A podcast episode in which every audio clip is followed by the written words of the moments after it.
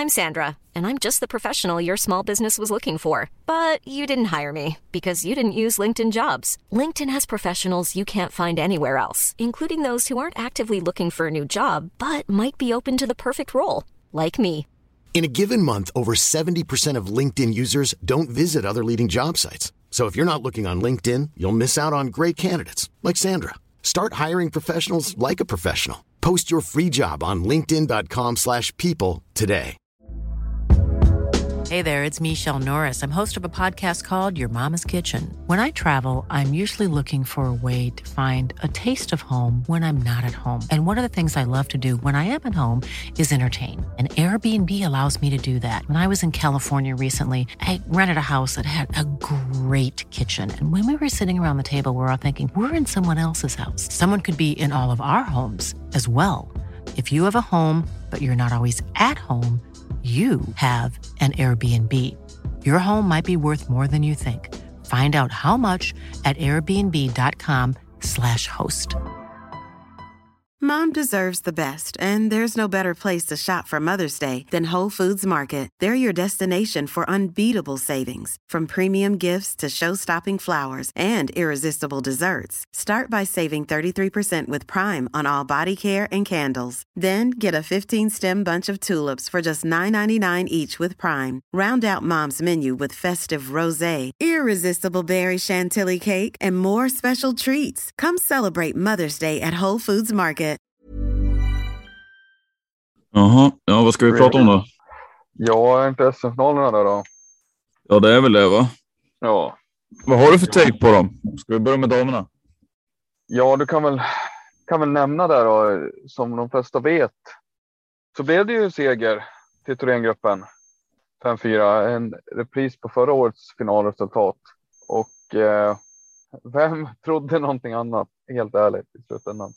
Det resultatet är ju ingen superchock för många. Eh, många hade väl hoppats och många hade väl kanske någonstans trott att det hade kunnat blivit en seger för rävarna i år. Eh, de har ju försökt så många gånger efter eh, sitt senaste guld, men eh, fått stå tillbaka.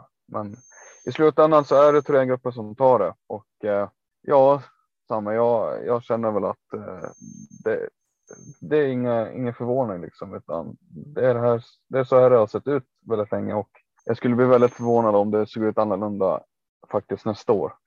Det är jävligt tråkigt på ett sätt, men eh, som sagt. Ja, alltså, ja, man har ju väldigt lite anledning att tro att det kommer förändras. Det finns väl en del som talar för det dock, men du syftar väl på att Thorengruppen vinner och det, det kan jag väl hålla med om att det, det känns lite tråkigt faktiskt. Det är det ju. Eh, på samma sätt så ungefär som att norskorna och svenskarna har dominerat eh, damernas skidsport i många år så är väl det här liksom innebandyns problem också att vi ser samma lag stå på tronen och det är lite ett syndrom på vilken typ av sport det är vi talar om eh, när de, ja, de behåller sina spelare och liksom eh, står på tronen år efter år. Det här eh, laget. Eh, det tycker det är väldigt tråkigt faktiskt. Det är det det är inte så mycket ett innebandyspecifikt problem tror jag, utan eh, det finns väl andra sporter också. Men som sagt, eh, det är ju, hade ju varit mer stimulerande och det är väl det som är, jag tror det är det du är ute efter. Att, eh, det hade varit mer stimulerande om till exempel lag som Falun åker på rejält med problem och stryk eh, och även att eh, ja, lag som Thorengruppen också då får lite, lite större utmaningar och, och så där. Eh, men i slutändan så är det de två lagen som står där. Vad, vad tycker vi liksom om finalen rent spelmässigt Och Var det en värdig SM-final så att säga? Ja, eh, värdig och värdig vet jag väl inte. Alltså, hur ska man liksom?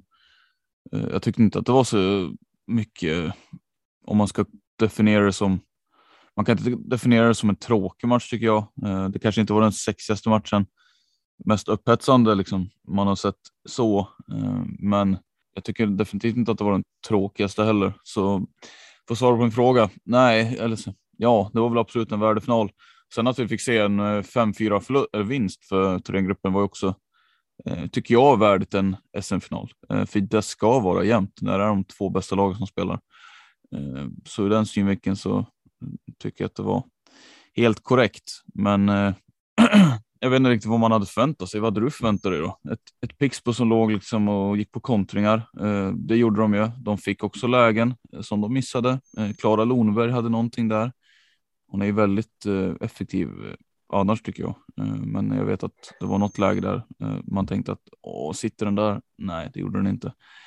Nej, men... nej, absolut. Och det, det jag matchen utspeglar sig väl ganska mycket som stora drag som jag hade trott. Men det jag slogs av, eh, det var ju Pixbos miserabla start där de släpper in två mål på inom loppet av fem minuter i första perioden. Och det, det känner jag i en SM-final så är det, det är väl den absolut sista saken man ska sista matchen man ska göra sådana saker. Jag menar, det, efter det så blir det en ointaglig uppförsbacke för dem. Det, det är ju ett mål man får kriga för hela tiden och släpper man två till ett sånt här lag som man möter, då, då känns det som man har gett sig själv absolut värsta förutsättningarna att kunna eh, vända på, på steken också. För det blir ju väldigt lätt för Thorengruppen att någonstans eh, kontrollera och spela lite på Pixbos desperation som kommer ju längre klockan går så att säga.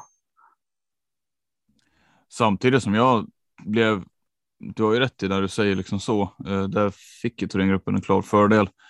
Eh, men jag kan ju också tycka att, eh, eller jag blev också förvånad över att Thorengruppen lät, eller lät och lät, men alltså att, de, eh, att Pixbo kunde hämta ikapp. Det förvånade mig med tanke på det också att de låg, låg under direkt så snabbt och liksom gjorde spänning av det. För det var ju till slut, ska inte säga att det var nervkittlande, men det blev en viss spänning i det. Eh, och som sagt jämna siffror.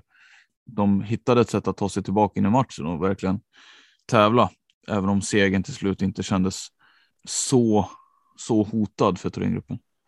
Nej, nej, absolut. Eh, du har helt rätt. Det blev ju en bra match på så sätt att eh, den levde ju tycker jag hela vägen in i slutet och det, och det kunde ju faktiskt ha någonstans chansen och chansen för dem att eh, eh vända på det. Det var ett mål det handlade om i slutändan och eh, jag skulle väl vilja lyfta fram en sån spelare som Denisa Ratajova som jag tycker gör det extremt bra. Det hon också.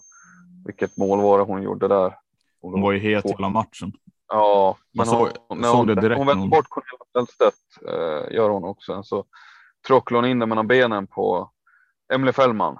Eh, det målet hon gör där, det är väldigt, väldigt snyggt tycker jag. Um, men som sagt, eh, det, sen eh, i den diskussionen vi pratar om, det kan ju också vara stressande för trean såklart att ha ett lag som som jagar eh, dem. Det är, man, de kan ju trots allt inte slappna av och liksom eh, räkna hem det, utan de har hela tiden rävarna som springer och gör flåsar och, och det kanske är så en viss fördel fanns det där för Pixbo också att de var det jagande laget istället för att vara jagade som Thorengruppen blev. Det finns väl den, den sidan av det också. Men eh, ja, vad tror vi om vi ska, ska vi säga någonting här framöver för de här kommande lagen tycker du? Eller ska vi dröja oss kvar vid liksom matchen och inramningen och, och hela den biten? Nej, men jag tycker väl att det var, eh, vi kan väl hålla oss här ändå. Eh, jag noterade snabbt publiksiffran låg eh, på uppåt 9 och 5 eller den låg över 9 och 5. Snuddade inte riktigt vid 10 000 där och därmed kan man inte säga att det var fullsatt heller, då, som jag har förstått det. Eh, men det, jag vet inte om det förvånade dig riktigt, men eh, nog tycker man väl ändå att man ska kunna fylla, fylla Globen den här dagen, eller? Ja, absolut. Eh, samtidigt vet jag inte hur många finaler vi har sett senaste 15-20 åren där det har varit fullsatt. Det är jag lite osäker på. Men eh, jag tycker det var en okej okay siffra. Eh, så jag hade inte jättemycket jag gick inte igång jättemycket sådär på det. Men Nej, helt klart eh, kan, jag, kan jag absolut eh, ge dig den att eh, det hade gärna fått vara lite fler där. Det, så är det ju. Och, och, det var det väl på herrarnas match senare, men det är tyvärr så det brukar se ut om man ska vara ärlig. Någonstans hade man väl ändå tänkt att i och med, att, i och med coronaläget och dylikt så skulle folk vara sugna på att gå och kika på en sån här fest. Eh, trots allt Sveriges två bästa lag som spelar och det, det vill man ju se. Det är också det är också landslagsspelare från olika nationer. Du har tjeckiskor, du har finskor och du har svenskor. Eh, det är liksom, det är bra landslagsspelare på båda lagen. Liksom. Eh, du har Kaupis, du har Manninen, du har Krupnova, Ratasova. Det är bäst av det bäst. Det, det går inte att hitta bättre spelare. Nej, men på riktigt på klubblags, alltså världens två bästa damlandslag har sina bästa spelare i de här lagen eh, med få undantag. Liksom. Där tänker man Där tänker man ska dra en del publik och inte bara den svenska om jag säger så. Men eh, ja, därav min kanske lite förvåning i det här fallet då. Men eh, ja. Men annars tycker jag det var ganska bra. Jag menar i alltså rent ett innebandyperspektiv. Vi vet ju vad vi brukar ha att jobba med när det gäller inramning och publik och, så och stämning. Jag tycker ändå det var ganska fint att se att det var ganska bra drag och klackmässigt. Man såg ganska mycket gröna tröjor och, och, vis, och även röda tröjor så här på läktarna som klackmässigt var det ändå ganska okej okay, tycker jag. jag. jag. blev ganska glad att se det, hur mycket glädje och engagemang och hur mycket liv det ändå de här klackarna försökte köra på. Jag, jag tyckte ändå det var ganska fint. Ja, absolut. Visst, eh, jag, jag ska inte säga emot dig där. Ur ett innebandyperspektiv så är det, eh, var det ändå okej okay, liksom. Ja, absolut. Ska vi prata lite herrar eller? Ja, vi är väl så, så tvungna tänkte jag säga. Uh, take it away my brother. Uh, nej, men jag. Uh, det här var Faluns final från början till slut. även om det kanske inte bjöds på ett skönt spel som som man har sett tidigare under säsongen från något av lagen så kändes det ju på samma sätt där inte riktigt som att Kalmarsund skulle eh, skulle vinna den här matchen. De gjorde det väldigt bra, eh, kanske så bra som de hade kunnat göra. Men eh, Falun visar ju att de har så många matchvinnare man kan kräva eller som man kan liksom tänkas behöva. Och Emil Rud, eh, att han får göra det här målet, eh, det är ju väldigt det säger någonting om hans säsong och Faluns, eh, Falun som lag tycker jag. Och eh, i och med det så tycker jag också att man kan säga att han har väl presenterat sig på den stora scenen. Eh, det är väldigt många. Det här klippet när han drar klubban under, mellan benen har ju delats väldigt många gånger på Twitter bland annat och inte bara av innebandy, rent innebandyintresserade människor. Här kan man ju säga att han har fått ett genombrott, men men eh, alltså för min del så kändes det ja, ett tråkigt utfall ändå. Det hade varit mycket roligare om Kalmarsund hade tagit, tagit den här fighten såklart. Men så nära man var även där, herregud. Va? Men tycker det du det? Man, ja, det, det. Rent målmässigt var man ju det. Det kändes också ganska tajt rent spelmässigt. Eh, så det kändes som att det hade kunnat gått åt båda hållen faktiskt. Det hade kunnat eh, faktiskt.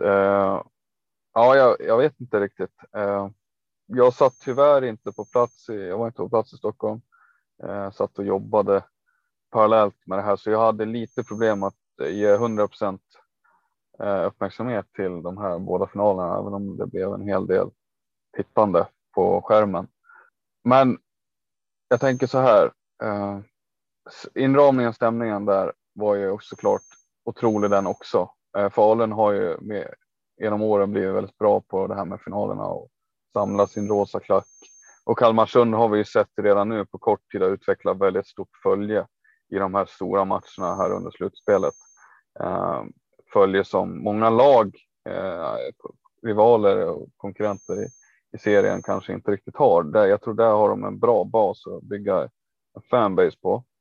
Men det här var nog kanske inte Kalmarsunds eh, matchfinal att vinna. Jag tror att eh, vi kommer få se dem där nästa år igen faktiskt.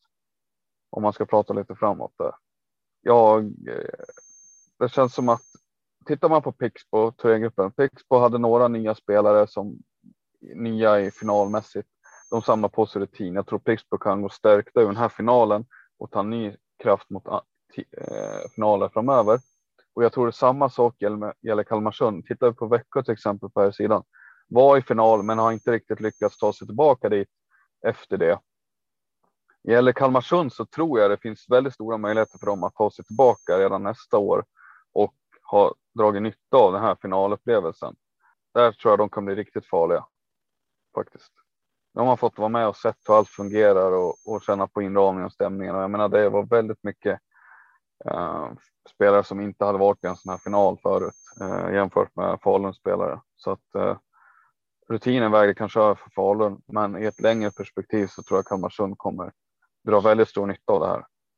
Jag har ju sagt det tidigare i någon podd också att de har ju, det har ju gått väldigt fort den här resan för dem och de har ju hunnit samla på sig värdefull rutin ändå från slutspel och nu den här finalen. Så du har väl absolut rätt i det liksom. Men man ska också komma ihåg att Falun har en generationsväxling som de verkar ha lyckats ganska bra med. Eh, så det är, det är alltså inte, det är inte omöjligt att vi får se de här spela en final eh, kommande år heller. Nej, jag ser redan fram emot det. Vi ska inte lägga in så mycket om det egentligen för att eh, det kommer vi göra i senare avsnitt. Det är jag helt säker på.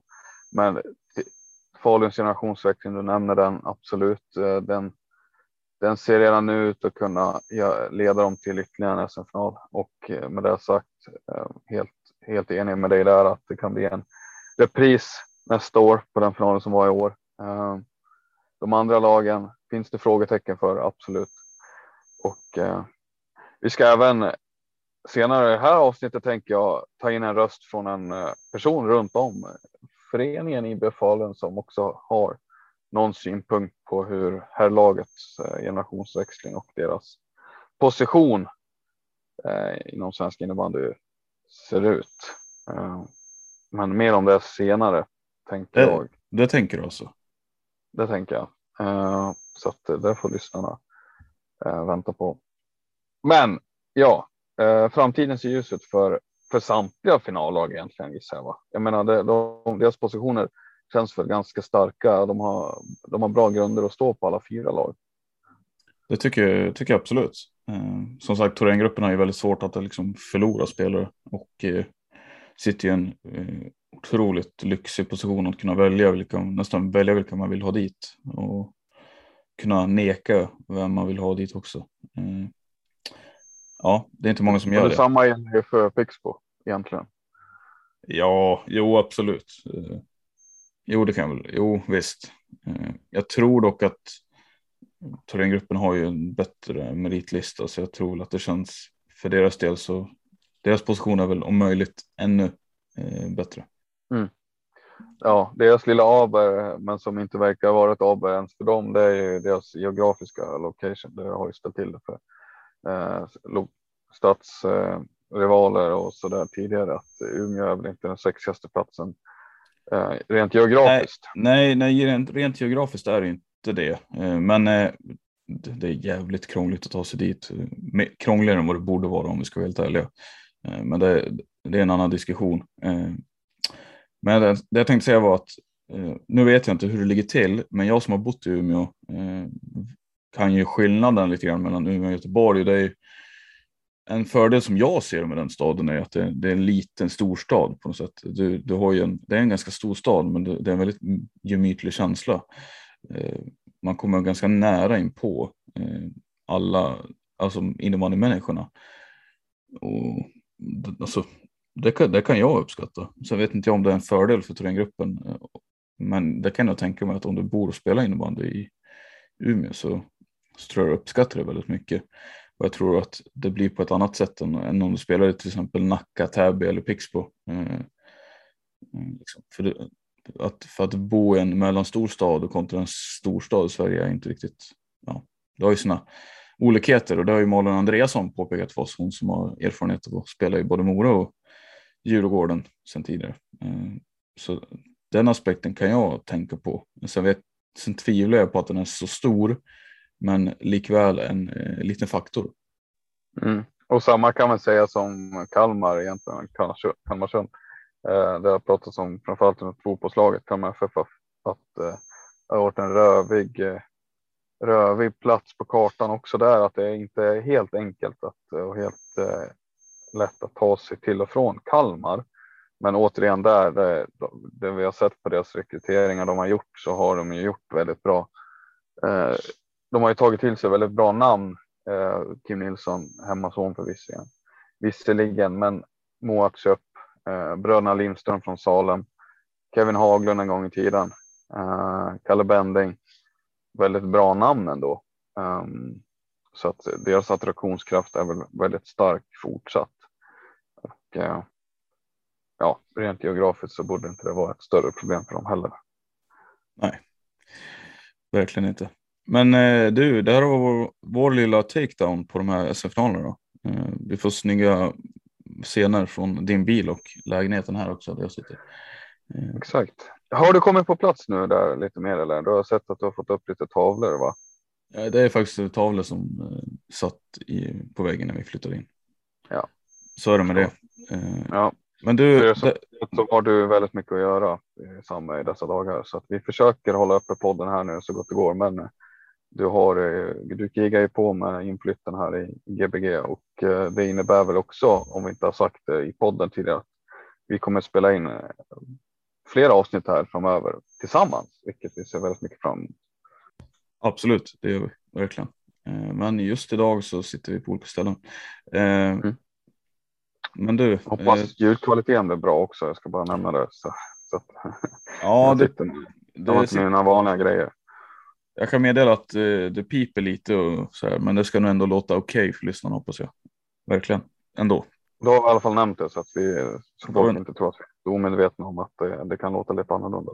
Nej, och vi ska väl också tillägga att vi är ytterst medvetna om eh, att det inte alltid låter kanon i våra avsnitt. Men det är också för att vi inte har en studio eller någonting sådant att tillanda, alltså att utnyttja.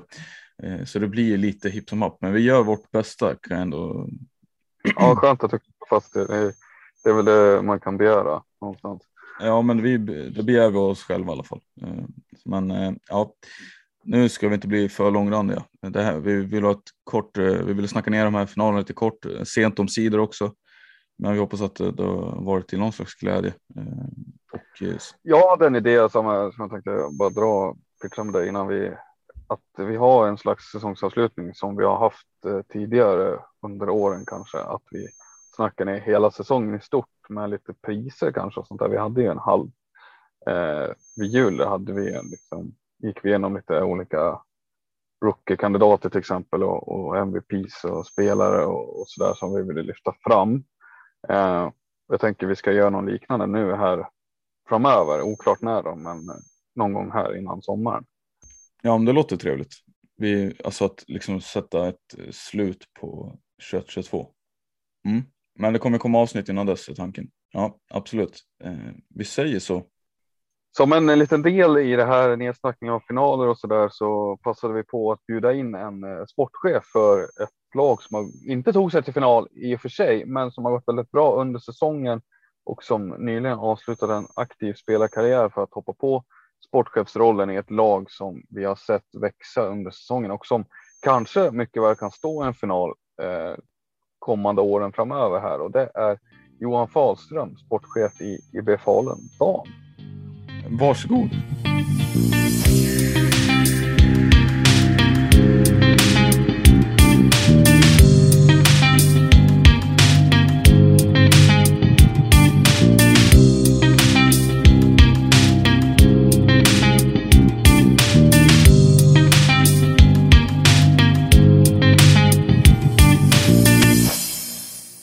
Ja, men då så. Då har vi med oss här Johan då.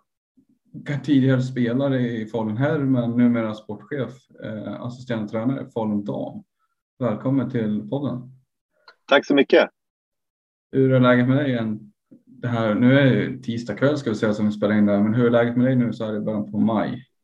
Jo, men det är bra. Det är full fart med eh, spelartrupp och eh, lagbygge inför kommande säsong på damsidan och eh, men det känns väldigt utmanande och roligt framför allt. Nu är det väl ungefär någon vecka sedan här ska vi säga som finalerna var. Har du hunnit och slutspelet för er tog ju slut något, eh, ja det är en månad sedan ungefär nu va? Vad, har du hunnit landa i, i den, den säsongen som var och så där? Ja, allt gick ju väldigt, väldigt fort Eh, började på här sidan med att hjälpa till runt laget, kastades in i damlaget någonstans runt november, december, nyår där som assisterande tränare till Björk eh, och har väl egentligen lagt fullt fokus på de delarna när det kommer till damlaget senaste månaderna. Så att de här senaste månaderna har gått fort och nu har man fått lite tid att reflektera och förstått vad som har hänt och vad vi har gjort. Så att ja, det börjar, eh, det börjar sjunka in lite, men det har varit en väldigt, väldigt rolig tid hittills. Vad är det som har varit det roligaste under den här säsongen för din del? Eh, det har ju hänt ganska mycket och jag kan tänka mig att det är mycket att komma in i som eh, sportchef till exempel i det här fallet. Då. Du har ju haft en aktiv spelarkarriär. Men vad är det som du tycker har varit roligast att få ta del av? Nej, men framför allt att lära känna en ny grupp människor ännu bättre än vad man gjorde tidigare. Man, var, man är välbekant med alla i och runt omkring IB Falun och även IB Falun Utveckling under eh, IB Falun och så där. Men att komma så nära in på och tajt på det lag som vi har på damsidan just nu har ju varit väldigt roligt och eh, lärorikt framför allt att jobba med en grupp som, som är så engagerade och intresserade till utveckling. Ska vi backa tillbaka bandet där till när du fick frågan att eh, bli sportchef. Vill du berätta för oss eh, hur gick det där till egentligen? Ja, det var väl egentligen så att eh, tidigare tränare och sportchef eh, lämnade och eh, Erik Björk tog över som eh, huvudtränare. Då, då får jag först frågan om jag kan vara assisterande tränare till honom och eh, jag säger såklart ja till det för jag tycker att det är en väldigt, väldigt utvecklande del och intressant och jag brinner för det så att där, där har jag verkligen eh, utvecklats och saker att ta med och bygga vidare på. Samtidigt som det gick någon, om det gick en månad eller två och truppen till den här säsongen som kommer nu behöver börja sättas. Kontrakt kommer att gå ut, spelare behöver att komma in och så vidare. Så där var vi ju egentligen tillsammans med Daniel Lindqvist som är Eh, klubbchef och Mattias Karlgren som eh, är tidigare spelare är väl tillsammans med mig de som har jobbat lite med det här och spelat trupp, nyförvärv och så vidare. Så vi har väl hjälpts åt där tillsammans och eh, efter en tid så landade det väl i att jag fick frågan att bli sportchef. så att där någonstans var det väl och på den vägen har vi gått vidare. Var det, inga, det var inga tveksamheter eller konstigheter för dig liksom att, eh, ja, att tacka, haka på det här så att säga, utan det var liksom, det var jag på en gång. Nej, det var väl egentligen jag direkt över skrivbordet som vi brukar säga inne på eh, Lindqvists kontor. Men det var ju, det är såklart roligt att få frågan och eh, jag blev väldigt glad för det är någonting som jag tycker är väldigt intressant att ha kontakt med människor, hjälpa andra personer att utvecklas och hjälpa andra personer att få så bra förutsättningar som möjligt för att bli den bästa spelaren de kan och det försöker vi få till här i IB Falun och jag tyckte att det var solklart och super, eh, superroligt att få frågan. Vad är det för, du var inne och snuddade lite grann på det eh, jobbet som du har gjort tillsammans då med Mattias Karlgren bland annat och Lindqvist där. Men vad är det som har varit mest utmanande med att eh, komma in i den tidpunkten som du gjorde? För det kanske inte var det allra mest optimala i, i det läget när du tillträdde.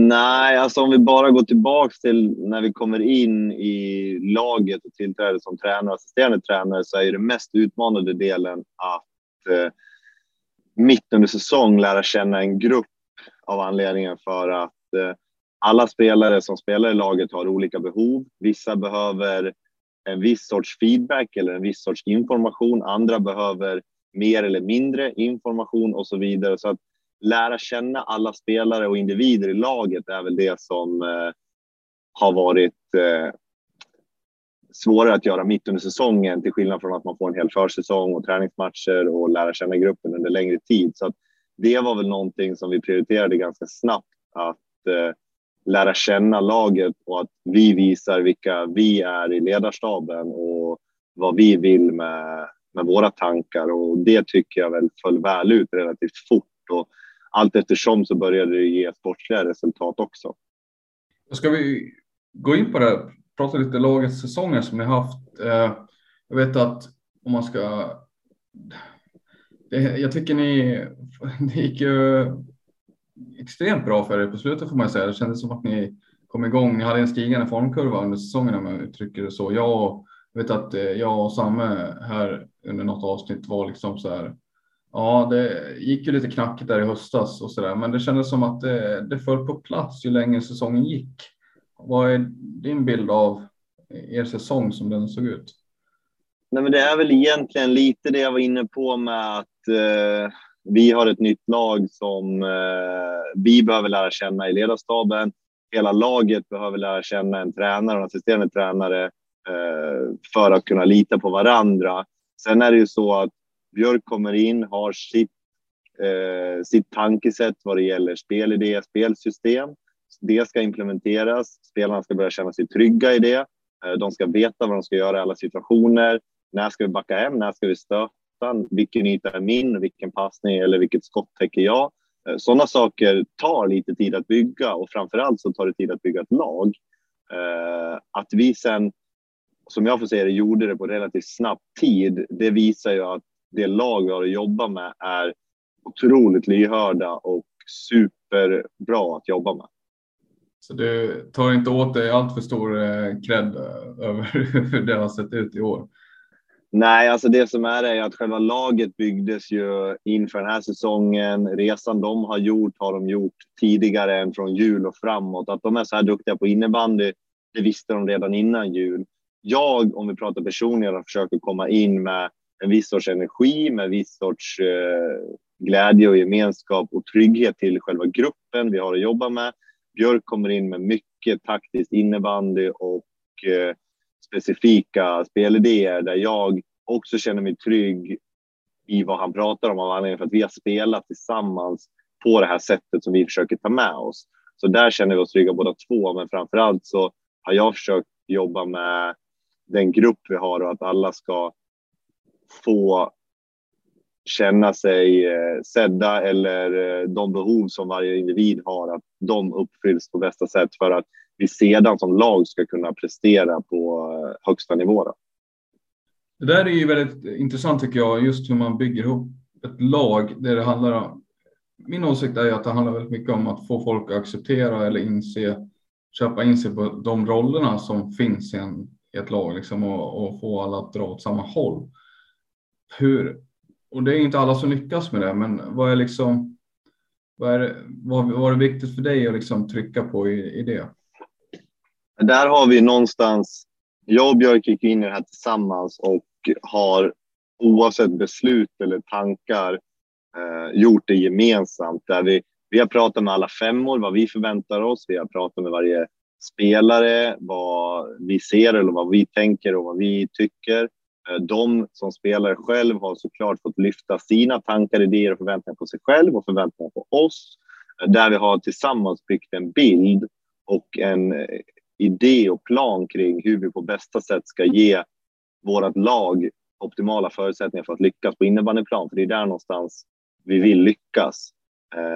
Och där är återigen ett stort cred till alla tjejerna i laget. Oavsett roll så har de köpt, accepterat och gjort den rollen fullt ut. Eh, och det var ju efter det resultaten kom också. Är du nöjd? Eh, där jag menar, ni åker ut i en tajt kvartsfinal mot Endre. Eh, slutspel för det första får man väl säga är väl en merit, men sen tajt kvartsfinal mot Endre när ni till sist får, får lämna. Är du nöjd med säsongen rent sportsligt? Uh, både ja och nej. Jag är otroligt stolt över laget och den säsong som gjordes och den sista halvan som genomfördes. Jag är väldigt, väldigt stolt över det slutspel som alla gör och ger det en ärlig chans för att ta sig vidare.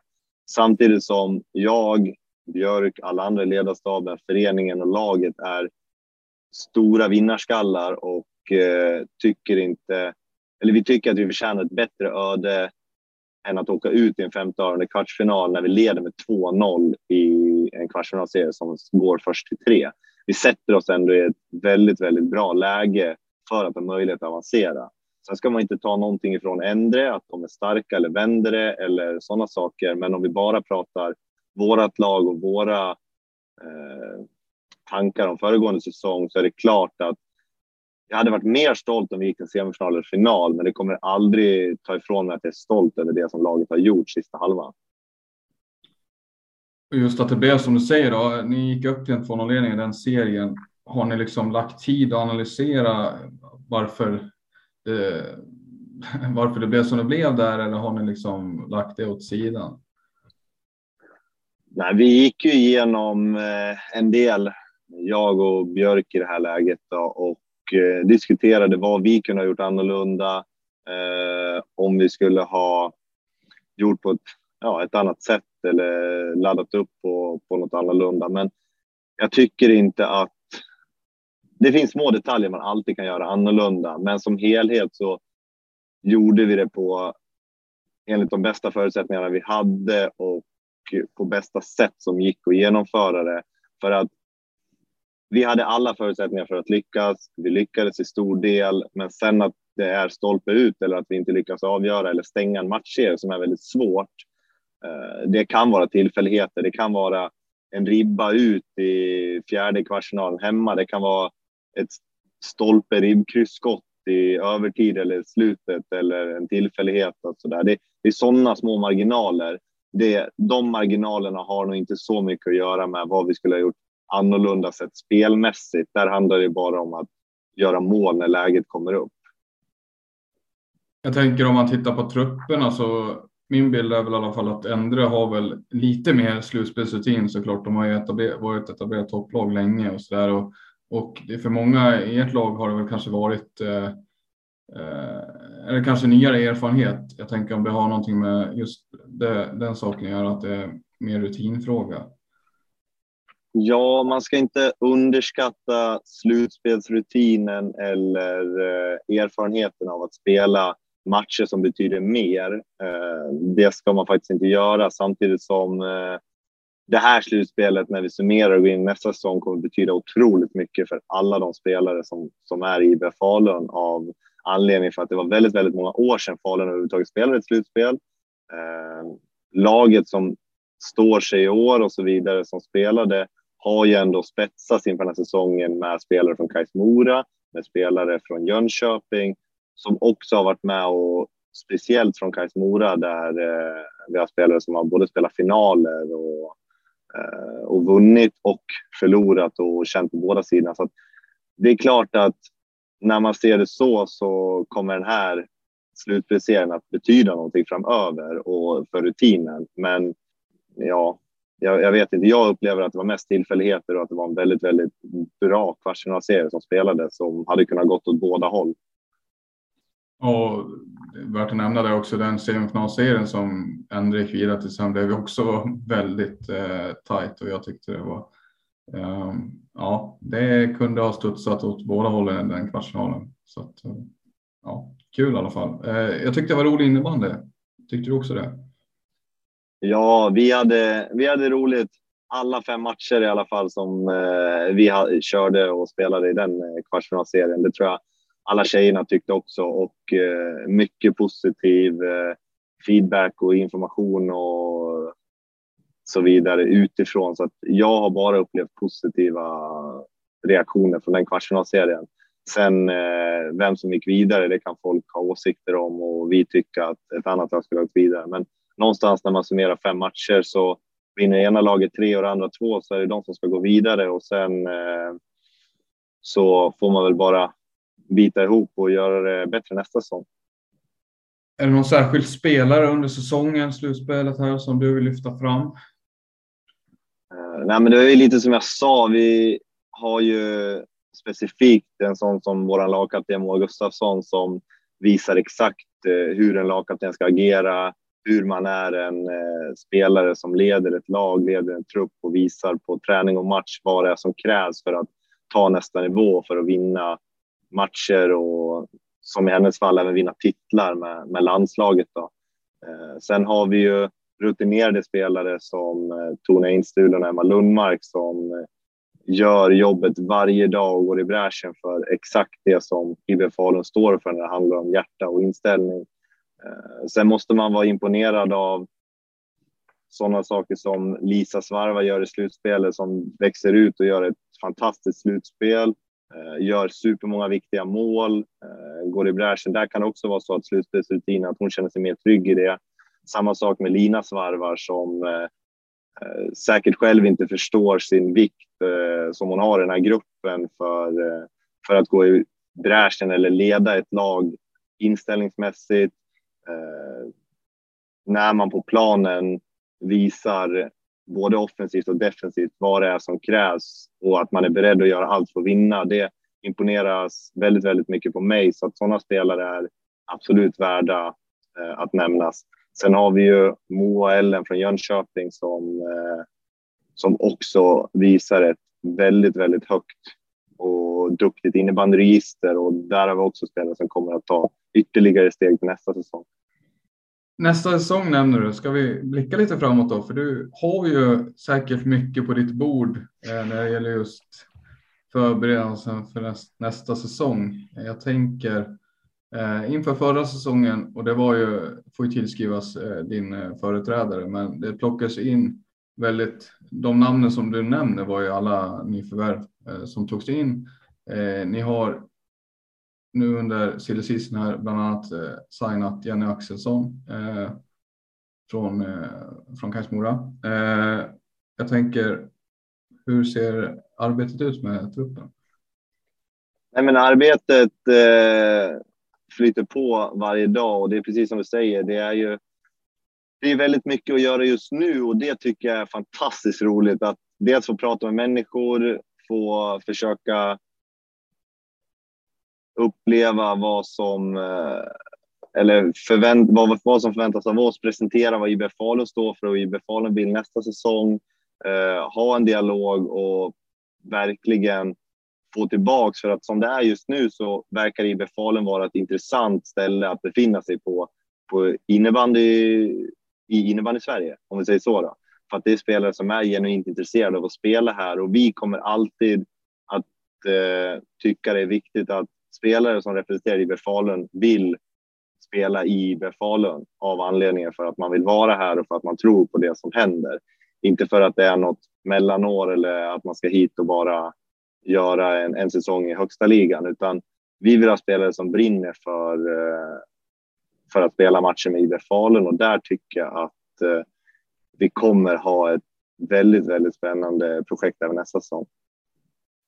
Ja, det är väldigt intressant eh, tycker jag. Ni har ju sagt att det är SM-final som gäller 2023. Vad är det för typ av spelare som ni behöver eh, krydda truppen med för att ni ska stå där nästa år? Ja, men vi har ju börjat med mål. Vi har börjat bakifrån kan man ju helt enkelt säga. Vi har börjat med en målvakt som eh, spetsar våran målsituation eh, som den ser ut idag och även gör gör den mer konkurrenskraftig bland de målvakter vi har. Sen vill vi och kommer ta in en, minst en back då, som ska hjälpa oss att bygga ett anfallsspel, vara bolltrygg, spelskicklig back som eh, hjälper IBF Falun att vara ett spelförande lag, om vi säger så, och kunna bestämma i matcherna vad som händer och eh, hur en matchbild ska se ut. Och sen är det så att vi har flera, flera duktiga backar och spelare från tidigare säsong som kommer att vara kvar och det är vi inte oroliga för. Men såklart vill vi ju för att ta nästa steg även spetsa backsidan och forwardsidan av anledningen för att vi, vi vill bli ett ännu bättre lag och ha en eh, bredare och mer konkurrenskraftig trupp. Då. Finns det någon namn som du kan säga som ni har diskussioner med när det gäller just på backsidan där?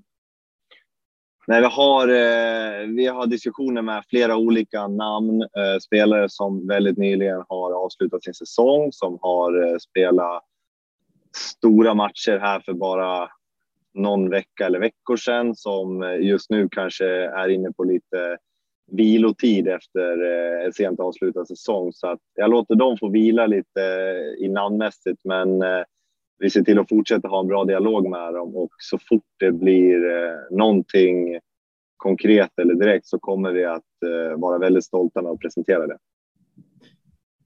Då blir man ju lite så här, eftersom man är nyfiken av sig och lite konspiratoriskt och du säger som du gör, då tänker man ju i Sverige i alla fall har vi en SM-final som avslutades eh, som vi sa för några veckor sedan bara och det är ju två lag det handlar om då. Eh, så jag, då, tankarna rör sig ditåt att det är någon spelare därifrån, men eh, det är inget som du det är ingen som du, du kommer inte ge mig någon namn ändå. Så, men, eh, ja, det kanske inte kommer något namn, men en, eh, din teori är ju helt rätt. att vi väldigt, Den match som senast spelades i Sverige i högsta ligan i SM-finalen och spelare som var med där har vi diskussioner med som vi är väldigt intresserade av och där känner vi ett ömsesidigt intresse och ser en positiv eh, eh, utveckling på vad som kan hända. Så att där ser vi, ser vi ljust på kommande säsong.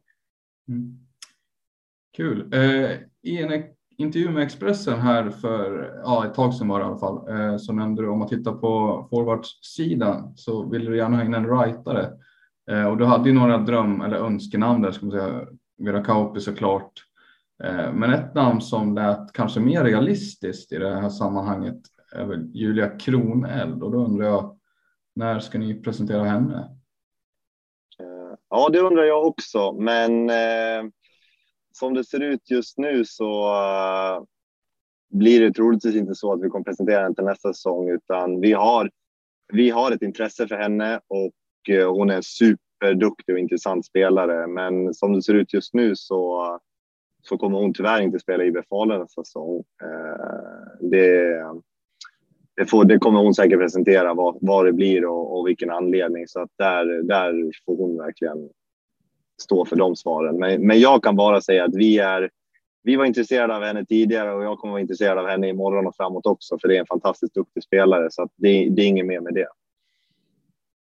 Ja, för det är ju en sak som eh, kanske är en, just en bristvara i ert lagbygge, om man säger så, right-spelare överlag. Det syntes väl inte minst när ni ställde upp i eh, PP-formationen under säsongen, att ni saknar ju en bra writer där. Det är mycket left. Eh, är, är det ett problem för er skulle du säga när ni spelar special teams på det sättet? Uh, alltså, jag skulle nästan vara oförskämd om jag säger att det är ett problem av anledningen för att vi under stora delar av grundserien hade bäst powerplay i serien. Uh, vi avslutade väl serien som näst bästa powerplay i princip. Uh, så att, att säga att det då är ett problem blir ju nästan att inte klanka ner på alla andra, Nej. men Nej. det är så att de fem spelare som spelar powerplay har både ett högt innebandy-IQ och otroligt skickliga. Alltså de har ju löst det på ett väldigt, väldigt bra sätt. Sen kommer jag ju aldrig kunna försvara någonting med att det öppnar upp helt andra möjligheter i powerplay om man har en rightare och det, så kommer det alltid vara. Det är ren fakta så att det är klart att det är eh, det är någonting som vi kollar på och skulle vilja ha in. Men eh, det är inte heller så att det växer rightare på träd och det bara är att hämta in alla duktiga rightare som finns, utan där tror jag att innebandy Sverige har eh, har, många lag har det som prioritet för att som det ser ut just nu så är det inte överflöd av rightare generellt i superligan på damer. Nej, det, det har du helt rätt i och, och eh, du har också helt rätt såklart. Ni, e- e- det var absolut inget fel på er PP-uppställning förra säsongen. Den, eh, jag såg en hel del matcher och eh, det får man ju säga att det gick ganska bra ändå. Men eh, du var ju med på min frågeställning i alla fall, så det var ju skönt. Eh, det finns ju några för övrigt några rightare tänker jag i Faluns herrlag. Eh, där kanske ni kan låna något namn. Ja, vi skulle ju kunna. Då, där har vi istället bristlag. Jag minns ju själv när man spelade i Falun och eh, det var fler rightare än leftare och det var ju. Det var ju lite speciellt, men så hade vi det på den sidan och eh, då var det ju istället lite lyx för alla leftare att kunna ha en rightare minst två eller tre i varje formation. Så att där ser det annorlunda ut, men eh, tyvärr är vi inte där idag på damsidan. Men skulle vi få låna in några namn därifrån så, så hade jag ju nej, jag kanske inte hade gjort det. De får ju klara sig på sin, eh, i sitt omklädningsrum. De, de löser det där borta. Vi, ja. vi kör med våra spelare. Ja. Jag har inte siffrorna heller, men eh, ni kanske hade bättre PP än vad herrlaget hade förra säsongen. Ja, vi, vi hade en bättre PP-uppställning än vad herrarna hade. Eh, de har fem bra PP-spelare, men vi hade fem bättre. vi pratar lite eventuella namn som är på väg in. Eh, jag tänker hur ser det ut? Eh, vilka har vi som är klara som inte kommer spela i den rosa tröjan till hösten? Kan du säga några namn där som uh, inte kommer vara, vara med? vi har egentligen förlängt med alla spelare som, som avslutar den här säsongen, förutom något namn som bland annat Frida Hellgren som hade en skada under slutet av säsongen, gjorde en operation, kommer att träna och komma tillbaks och få speltid i utveckling för att sen ta sig upp och börja om eh, och kriga tillbaks i SSL. Likaså med Vilma Svedlund som eh, också kommer att börja säsongen i, i utveckling för att få en stor roll och fortsätta utvecklas till en ännu bättre innebandyspelare och kriga om en plats i, i SSL-truppen. Då. Sen, eh, sen har vi Bella Forsling som kommer att eh, ja, spela lite fotboll i sommar och hon går andra året på gymnasiet och väljer den vägen lite grann. Så också där att hon vill kriga sig tillbaks i SSL när innebandysäsongen väl drar igång och det har vi full, full eh, respekt för. Ja, hon är inte den enda innebandyspelaren som gör det. Jag tänker på en, en äldre lagkamrat som har gått, som också är väldigt duktig på fotboll, tänker jag. Det är ju Patricia Forsell. Ja, hon, eh, hon har spelat lite fotboll på sommaren. Hon gör det, men är väldigt, väldigt intresserad av att vara med på den resa vi ska göra nu med damlaget och vår vision med att spela i Globen nästa säsong. Hon är från Faluområdet och har spelat väldigt många säsonger i IBF Falun. Att hon skulle få vara med och spela semifinal och final i, i den rosa tröjan, det skulle vara fantastiskt att se och jag tror att det skulle betyda lika mycket för henne som för oss andra med stark Faluanknytning. Så det är en pjäs som blir kvar, det, så tolkar jag i alla fall. Det är ingen snack om saken, utan hon spelar i Falun. Ja, hon vill vi ska spela i IBF Falun nästa säsong, absolut.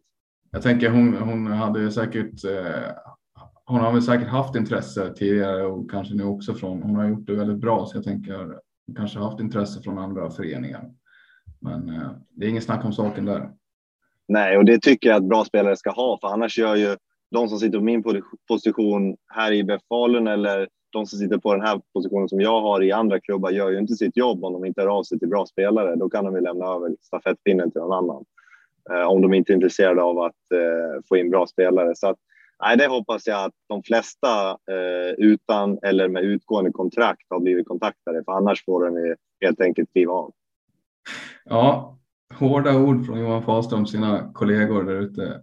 Men eh, jag funderar på eh, en liten fråga när det gäller just eh, spelmässiga. Vad är det för typ av innebandy skulle du säga som ni vill stå för?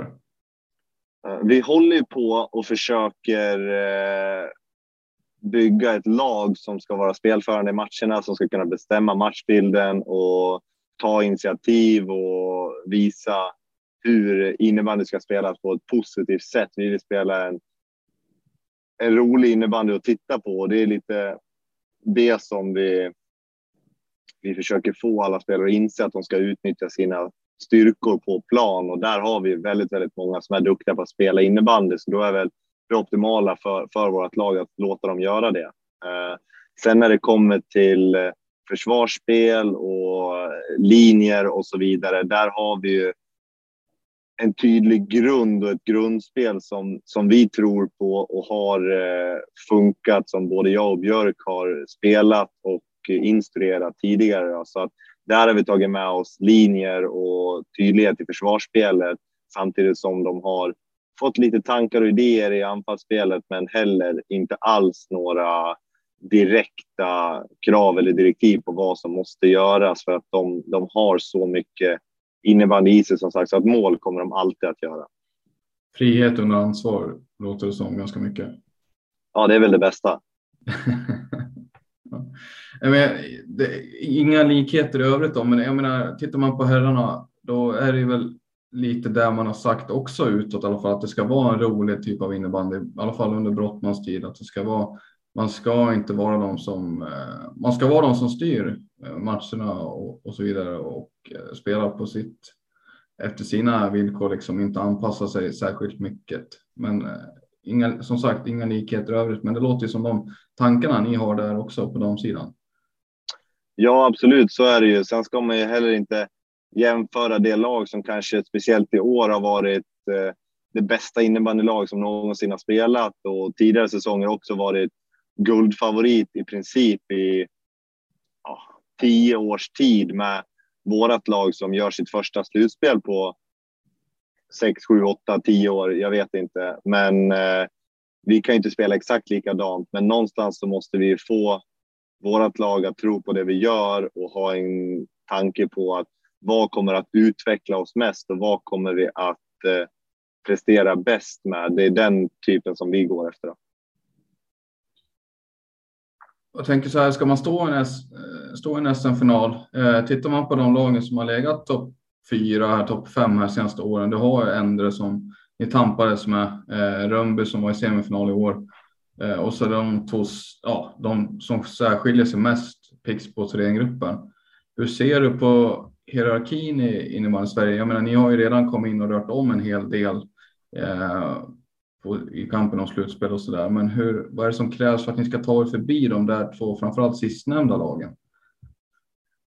Ja, det som är är väl att eh, vi kommer behöva fortsätta göra lite mer än alla andra varje dag fram till i slutet av april nästa år. Vi kommer att jobba hårdare. Vi kommer att behöva tänka lite annorlunda kontra vad de redan gör. De försöker försvara sin position eller göra så. Vi vill driva på och utveckla eh, det vi redan har och där tycker jag att speciellt som de som du nämnde i Eh, Rönnby, Endre, vi eh, och så där är ju faktiskt lag som utmanar på riktigt underifrån och visar att eh, man vill vara med och fightas eh, om ett SM-guld och sen är det så att det kommer en final som är bäst av en match.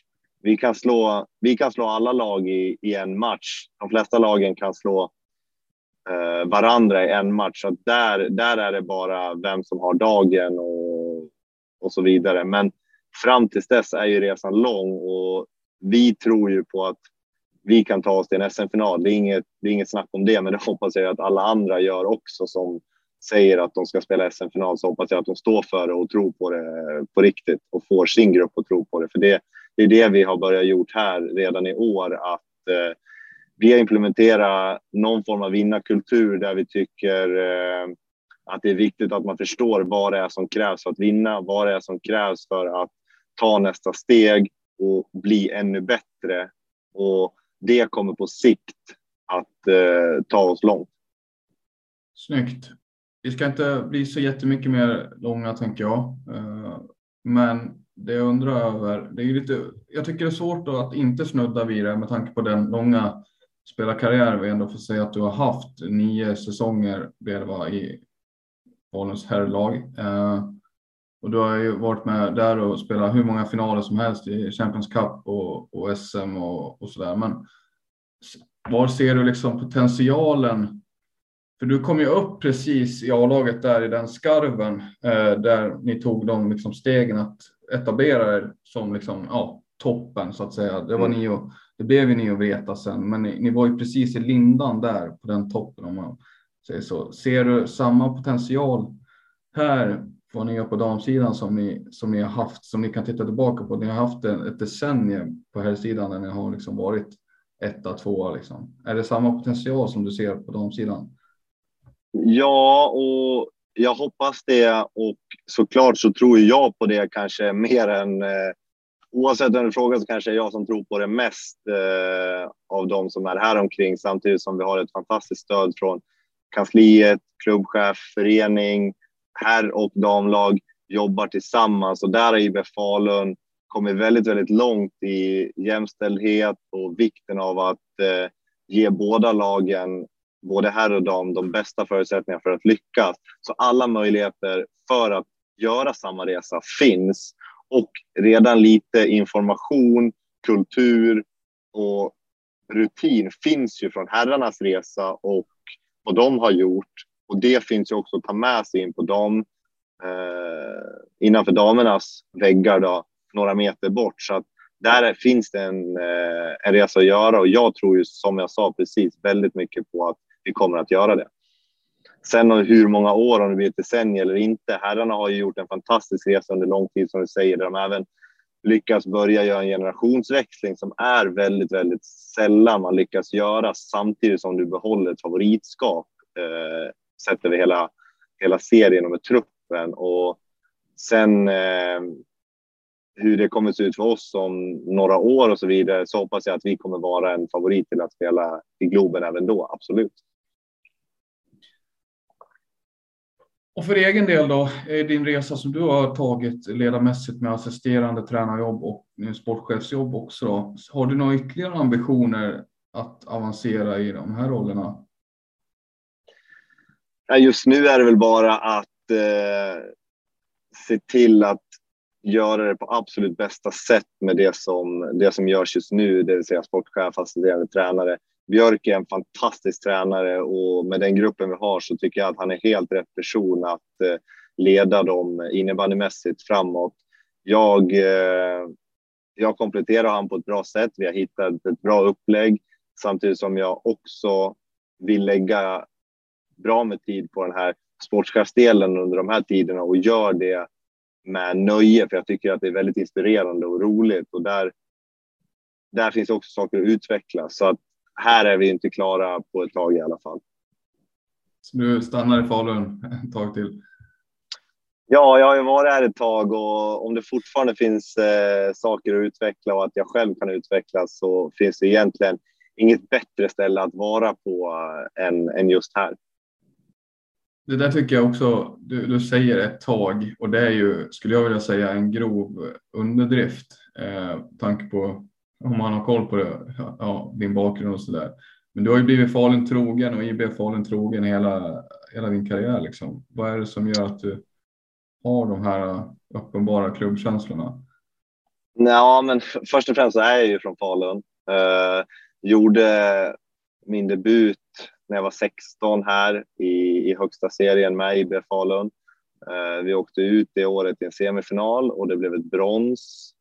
Eh, året efter det så vinner Falun sitt första guld och sen har ju resan egentligen bara rullat på med att det har ju egentligen inte funnits bättre möjligheter eller förutsättningar sett till konkurrens eller träning eh, för att bli en bättre innebandyspelare. Det har ju här någonstans har det ju bara skyfflats in bra herrinnebandyspelare under lång, lång tid som alla har tagit steg, blivit superduktiga och gjort det bra. Eh, så att jag har bara, jag har bara njutit av att vara med på, på det som har hänt här. Då. Och med de orden eh, så som sagt, du får gärna hänga kvar, men med de orden så tycker jag vi ska avsluta det här avsnittet och få tacka alla som har tagit tid att eh, lyssna på det här. Eh, har ni några frågor, synpunkter, funderingar så hör av er till oss på Facebook eller Instagram. Eh, vi heter DuSSL överallt. Eh, Twitter går också bra.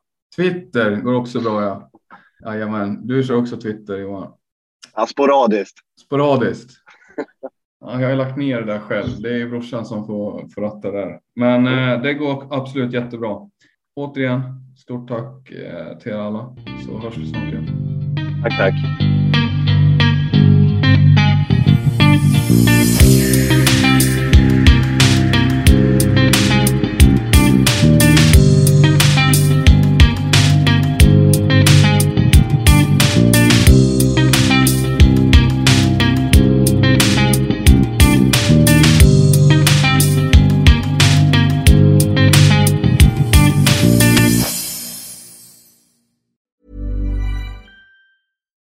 Deserves the best, and there's no better place to shop for Mother's Day than Whole Foods Market. They're your destination for unbeatable savings, from premium gifts to show-stopping flowers and irresistible desserts. Start by saving 33% with Prime on all body care and candles. Then get a 15-stem bunch of tulips for just $9.99 each with Prime. Round out Mom's menu with festive rosé, irresistible berry chantilly cake, and more special treats. Come celebrate Mother's Day at Whole Foods Market. Hi. I'm Daniel, founder of Pretty Litter. Did you know cats tend to hide symptoms of sickness and pain? I learned this the hard way after losing my cat, Gingy. So I created Pretty Litter, a health monitoring litter that helps detect early signs of illness by changing colors, saving you money and potentially your cat's life. Pretty Litter is veterinarian developed, and it's the easiest way to keep tabs on your fur baby's health right at home. Go to prettylitter.com and use code ACAST for 20% off your first order and a free cat toy. Terms and conditions apply. See site for details.